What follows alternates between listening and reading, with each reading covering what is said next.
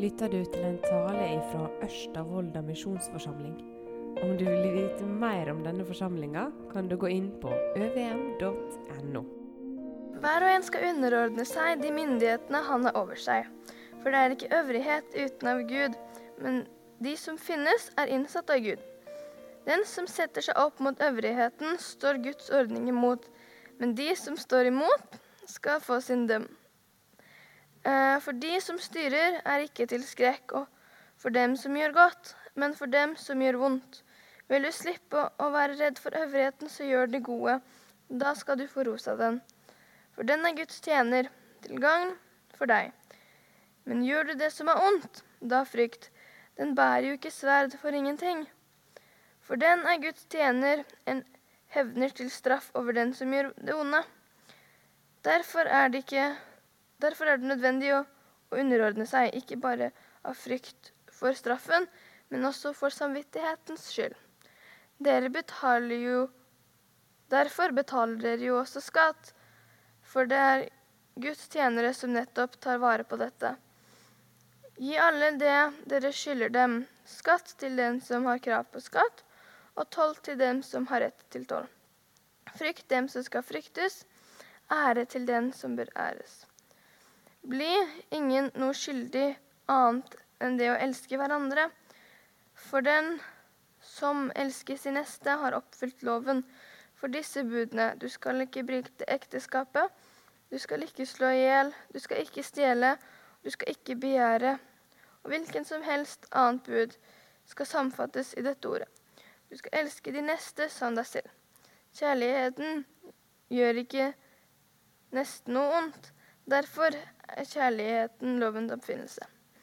Og dette må vi gjøre, da vi kjenner tiden, at timen er inne, da vi må våkne opp av søvnen, for frelsen er oss nærmere nå enn da vi kom til troen. Det lir med natten, det stunder til dag. La oss derfor avlegge mørkets gjerninger, men iføre oss lysets våpen. La oss ferdes sømmelig som om dagen, ikke svir og drikk, ikke i utukt og skamløshet, ikke i strid og misunnelse, men ikle dere Herrens Jesu Men ikle dere Herren Jesu Kristus, og ha ikke en slik omsorg for kjøttet at det vekkes begjær. I dag så fortsetter vi i Romerbrevet kapittel 13. Paulus, Jesus sin apostel, han fortsetter her med å undervise de kristne i Rom og oss om troa og livet som kristne. I kapittelet som var rett før, i kapittel 12, der var det det kristne fellesskapet som var temaet. Paulus han beskrev der hvordan et sosialt fellesskap som har det felles at de tror og på og tilber Jesus Kristus, hvordan skal de leve sammen? Og det sa jeg noe om forrige gang jeg talte. I dag så sier han noe om hvordan de samme menneskene, vi som kaller oss kristne, skal leve utenfor det kristne fellesskapet. Det har seg sånn at Alle sosiale settinger har noen ting som definerer innenfor og utenfor. I noen miljøer så er det tydeligere enn i andre. Og så tror jeg, jeg mistenker at I vår tid så er vi blitt ganske flinke på å manøvrere imellom disse sosiale sfærene. På mer eller mindre gode måter. Med integritet eller uten integritet.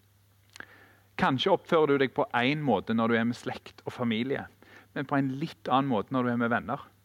Kanskje fronter du enkelte politiske meninger i noen miljøer, og så toner du de litt ned i andre. Hvordan oppfører du deg når du er på studieplassen, når du er på jobb? Hva gjør du når du eksponerer deg sjøl på sosiale medier? Vi velger hva sider vi velger å trekke fram. Som sagt, med eller uten integritet. Og Så er det rett inn i dette at Paulus skriver. Hvordan skal vi være når vi ikke sitter sammen med alle andre som er kristne? Når vi er utenfor det kristne fellesskapet. Og det, det er lærerikt, og det er interessant, og det er viktig for oss å få med oss. Her i kapittel 13 så retter Paulus blikket vårt ut av bobla. Og så vil han si noe til deg og han vil si noe til meg om hvordan vi skal leve der. Hvordan skal du leve livet med Jesus når du er utenfor bobla? Når du lever i en verden som ikke deler alle de verdiene som du har, og som ikke deler din tillit til Jesus både som Herre og Frelser. Når Paulus gjør det, så behandler han noen store samfunnsspørsmål. Og så går han tett inn på livet. Han snakker om det å høre til i et storsamfunn. Og så snakker han om naboer og om venner. Jeg har satt opp tre overskrifter som vi skal gå gjennom når vi skal gjennom denne teksten. Og Vi skal begynne med styresmaktene og meg. Og Etterpå så skal vi se på at kjærligheten gjør nesten ikke vondt. Og til slutt så skal vi se at Paulus har noe å lære oss om time management. Vi skal begynne med styresmaktene og meg. I vers 1-7 så snakker Paulus om styresmaktene, og han snakker om deg og om meg. Vi begynner med styresmaktene, og så beveger vi oss over på oss som innbyggere etter hvert. Disse versene her, de er enormt viktige. I disse versene så samler Paulus en hel del tråder som går fra Det gamle testamentet, gjennom Jesus' undervisning, og så ender det opp i noen ganske konkrete formuleringer her. Når jeg har sittet her og jobbet med dette, så har jeg spurt meg jeg lurer meg på hvordan den kristne kirka hadde sett ut om disse versene ikke var her. For her står det ganske tydelig at alle mennesker, og vi som er kristne, vi skal være lydige mot de styresmaktene vi står under. Det å lyde styresmaktene og å følge lovene, det er noe som Gud vil. Disse versene går i liten grad inn på ulike styringsmodeller for land. De sier ingenting om republikk, enevelde eller parlamentarisme. Men det går ganske tydelig ut fra disse versene at anarki det er ikke et alternativ. Men det står eksplisitt her at styresmakter og myndigheter de er innsatt av Gud myndigheter og styresmakter som institusjoner. Det er gudvilla. Og så blir det enda tydeligere sagt det fins ingen styresmakter som ikke er innsatt av Gud. Og så er det sånn at Disse styresmaktene de har ett hovedformål. og Det ser vi her i disse versene. Det er å holde orden og å sørge for rettferdighet. Og straffeforfølge de som bryter styresmaktene sine lover. Myndighetene har altså fått et delegert ansvar for å holde orden og sørge for rettferdighet. Og Det der med å delegere det er noe Gud har gjort helt fra begynnelsen av. Gud han delegerte forvalteransvaret til oss mennesker. Vi fikk i oppgave å, ta, og kultivere jorda og ta vare på han. Det leser vi i første Mosebok. Og Så delegerte han det til oss å øke og bli mange. Det leser vi samme plassen. Og så har han delegert det til myndighetene å sørge for at vi, innbyggere, har det bra. Om noen gjør noe vondt mot meg, så skal de straffes for det. Om jeg gjør noe vondt mot noen andre, så skal de straffes for det. Men så skal jeg straffes for det. Og det er myndighetene sitt ansvar. Storsamfunnet skal altså håndteres av noen myndigheter som er innsatt av Gud. Helt mot slutten av dette avsnittet så ser vi at det vil innebære toll og skatter. Gud han visste at det kom til å være ressurskrevende å ha dette ansvaret. For i oss mennesker så bor det noe som kun tenker på seg og sitt. Og Derfor er vi villige til å bryte lover og regler for å ha det bra. Derfor er det ressurskrevende å drive med dette. Og det er rett og sant at vi betaler skatt og betaler toll og avgifter som myndighetene har vedtatt. Jeg vet ikke om det begynner å klø litt hos deg nå. Kanskje spør du deg eh, om det var Gud som plutselig har vedtatt TV-lisensen, eller valgt å avskaffe den. Er det han som har innført avgifter på drivstoff, sukker osv.? Eller kanskje plager det deg at myndighetene har satt en bom akkurat der som de satte bommen. Kanskje strever du med noen større spørsmål. Kanskje er du riv ruskende uenige med etiske beslutninger som myndighetene dine har gått inn for. Ting som du mener er urettferdig og galt. Er disse tingene Gud ville? Jeg tror faktisk ikke vi forstår hvor urettferdig myndighetene kan være, vi som bor her i Norge. Altså Selv om vi kan kjenne på en frustrasjon over feilprioriteringer, spesielle beslutninger og gale etiske valg osv., så, så står vi faktisk ikke under myndigheter som forfølger oss og undertrykker oss. Vi kan kanskje være pressa på noen områder, men jeg er ikke redd for at ungene mine skal bli forfulgt fordi de kjenner Jesus. Men hva da med disse myndighetene som er direkte urettferdige? Hva mener Gud med det? Er det ikke litt risikabelt av Gud å gjøre det på denne måten? Jo, selvsagt er det risikabelt å gjøre det på denne måten. Og Det er ikke vanskelig å lete i historien og i Bibelen for å finne myndigheter som ikke har forvalta ansvaret sitt på en god måte. Men de har handla urettferdig, og de har misbrukt makta si. Men alternativet er faktisk ikke bedre.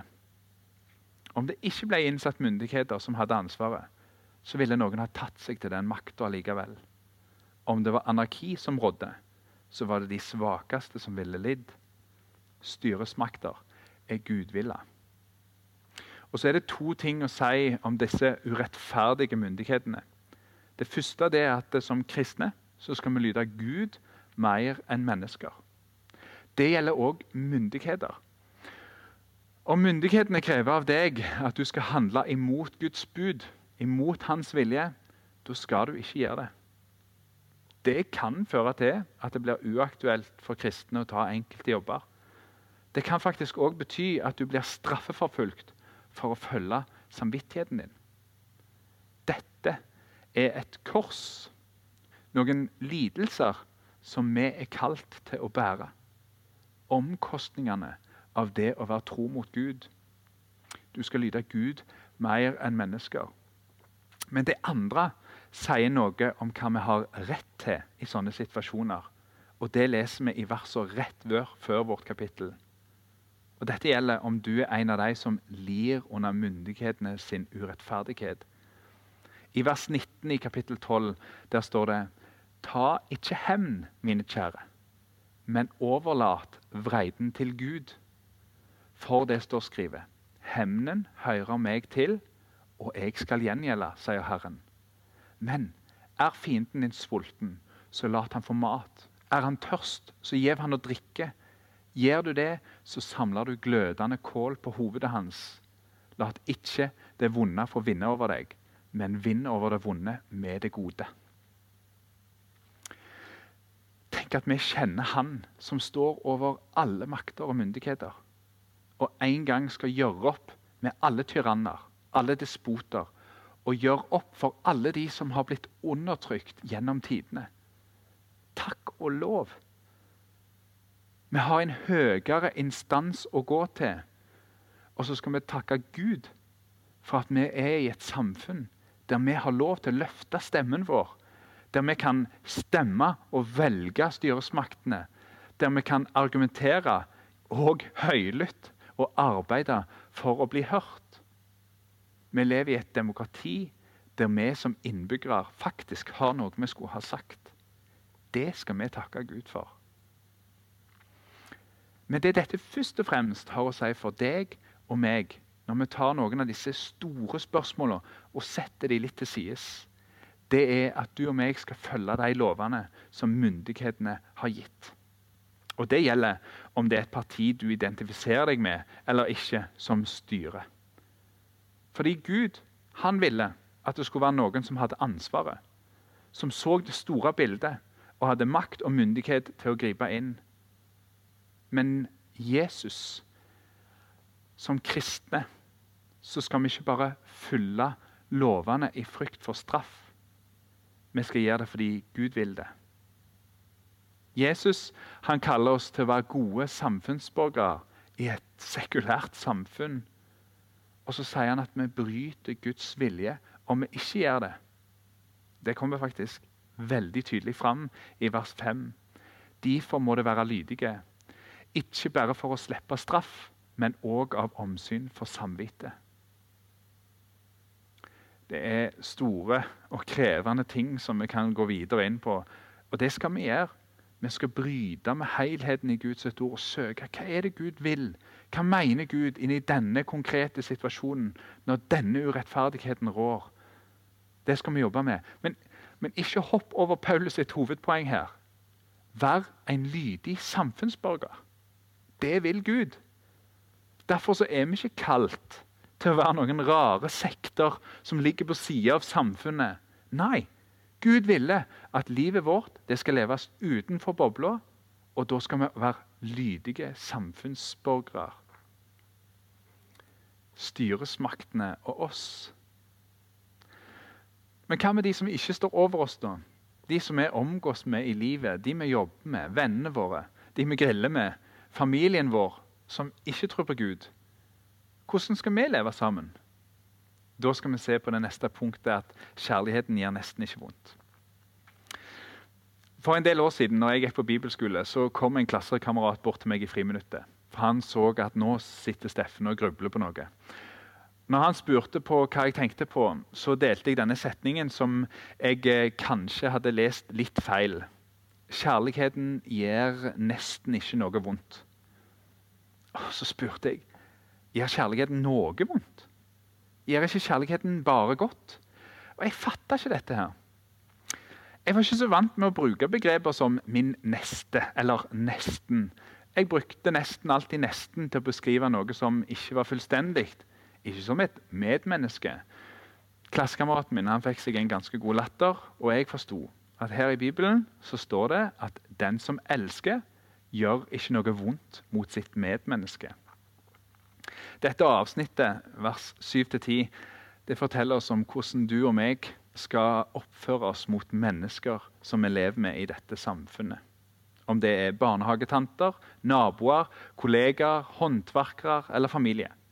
De menneskene som du møter på innenfor eller utenfor bobla, de skal vi elske. Helt først så skriver Paulus at vi ikke skal skylde noen noe. Vi skal ikke ha noe uoppgjort med noen. Men så legger han raskt til utenom det å elske dem. For det å elske vår neste, det er ei gjeld som vi ikke får nedbetalt. Å elske, det er ikke noe du blir ferdig med. Kanskje blir du litt svett når du hører at du skal elske din neste. Det kan du faktisk ha god grunn til. Men det kan òg være at du har en litt feil forståelse av hva kjærlighet er definert som her. Her er ikke kjærlighet en sånn fluffy følelse som du skal gå rundt og kjenne på mot din neste. Altså, Du må gjerne ha varme følelser for din neste, men kjærlighet her det handler om hvordan du behandler din neste. Du skal elske nesten din som deg sjøl. Om du var håndverkeren som var på besøk, hvordan ville du blitt behandla? Om du var kunden som satt på kontoret ditt hvordan ville du blitt behandla da? Om du var den mora som henta ungen sin i barnehagen, hvordan ville du blitt behandla? Eller om det var din ektefelle, hvordan ville du at noen skulle oppført seg mot hun eller mot han?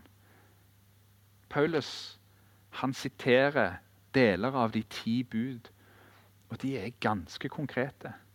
Ikke stjel, ikke lyg, ikke vær misunnelig. Ikke gå rundt og ha lyst på det som ikke er ditt. Ha respekt for foreldre. Ikke ha sex med noen som ikke er din ektefelle. Det du vil at andre skal gjøre mot deg, det skal du gjøre mot deg. Gud, han har skapt deg, og han har skapt din neste.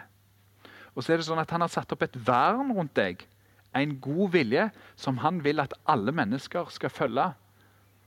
Respekter det vernet som han har satt opp for din neste òg.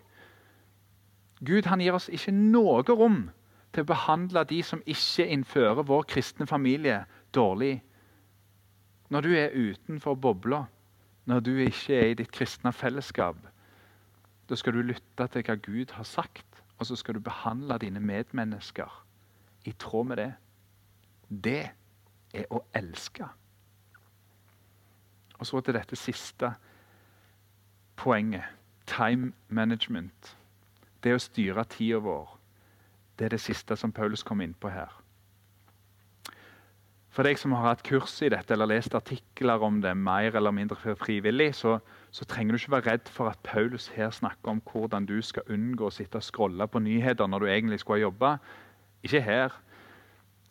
Men jeg tror at om Paulus kunne det, så ville han ha sett deg og meg djupt inn i øynene for at vi skal forstå virkeligheten her, og ikke gå rundt i halvsøvne. Hør da.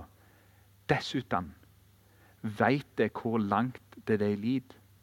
Timen er kommet da de må våkne opp av søvnen, for frelse er oss nærere nå enn da vi kom til trua. Det er på en måte som en stresstest. dette her. Paulus han stopper oss opp og så prøver han å få lagt det inn over oss at vi lever i ei tid som går framover. Den beveger seg fra en begynnelse, og så har han en slutt. Og En plass på denne linja her så ble du kanskje frelst. Du forsto hvem Jesus var.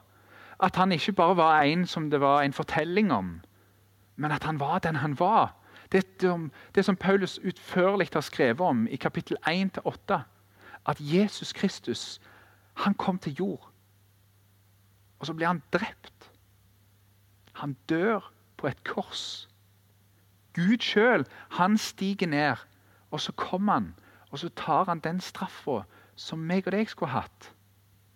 Vi som har brutt styresmaktene sine lover. Vi som har gjort noe vondt imot vår neste, og vi som ikke har forvalta tida vår rett. Vi kan bli tilgitt. For det er en som har tatt straffa vår. Alle mennesker er urettferdige og trenger noe som heter nåde. Og Hvis du ikke vet hva nåde er, så må du gå inn i romerbrevet så må du granske og så må du lese. For det er noe helt fantastisk. Og nåde det får vi hos Jesus Kristus. Og når vi har tillit til Jesus, når du ber Han om å ta seg av deg, da er du frelst. Du er redda fra straffa. Og samtidig så er frelsen, friheten, fremdeles noe som vi venter på. Kanskje sitter du og kjenner litt på det akkurat nå. Frelst. Det merkes ikke så veldig. Nei, det kan være det ikke gjør det nå. Men når dommens dag kommer, og du virkelig forstår hva du er frelst fra og inn til, da kommer du til å strømme takknemlighetstårer ifra noen øyer som er fylt av glede. For vi skal bli frelst inn i Hans endelige rike, der det er slutt på alle urettferdige styresmakter.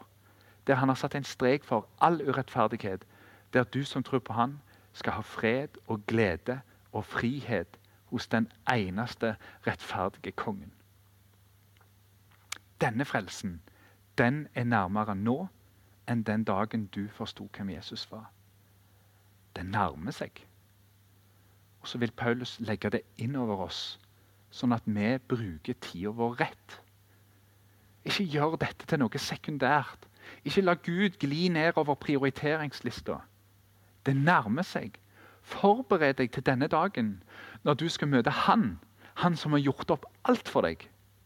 Slutt med de tinga som Han har sagt at du ikke skal gjøre, og begynn å leve etter Hans gode vilje. Kle deg i Jesus, står det. La Hans nåde dekke deg fra topp til tå. La Han dekke livet ditt, og begynn å leve som Han. Forrige søndag på disse digitale gudstjenestene våre så talte Jon Ove over misjonsbefalingen. Det fjerde delegerte ansvarsområdet som Gud har gitt mennesker. Men, men, denne gangen er det bare de som tror på Han, som har fått oppgaven. Gå ut og gjør alle folkeslag til læresveiner, for frelse nærmer seg. Og Det betyr at vi skal kle oss i Jesus òg når vi er utenfor bobla. For det er noe som gjenstår. Kle deg i Jesus når du er utenfor. La Jesus være han som preger deg når du snakker. Og fortell om hvem han er. La andre få vite hvem Jesus er. Han som gir nåde.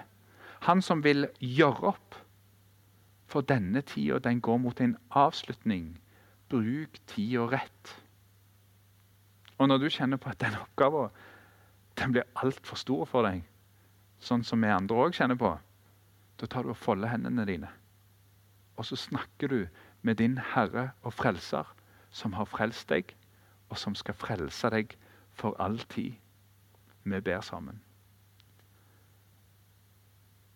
Kjære Far i himmelen. Jeg ber om at du må lære oss å være ydmyke og bøye oss for de styresmaktene som vi står inn under. Og la oss gjøre det fordi du har kalt oss til det. Og så takker vi og priser deg for at vi får leve i et samfunn der vi får lov å si fra hva vi mener. Der vi får lov å si fra om urett. Takk Gud for det. Far, vi ber for vår neste, og vi ber for tida vår. Gi oss og forvalte den rett. I Jesu navn. Amen.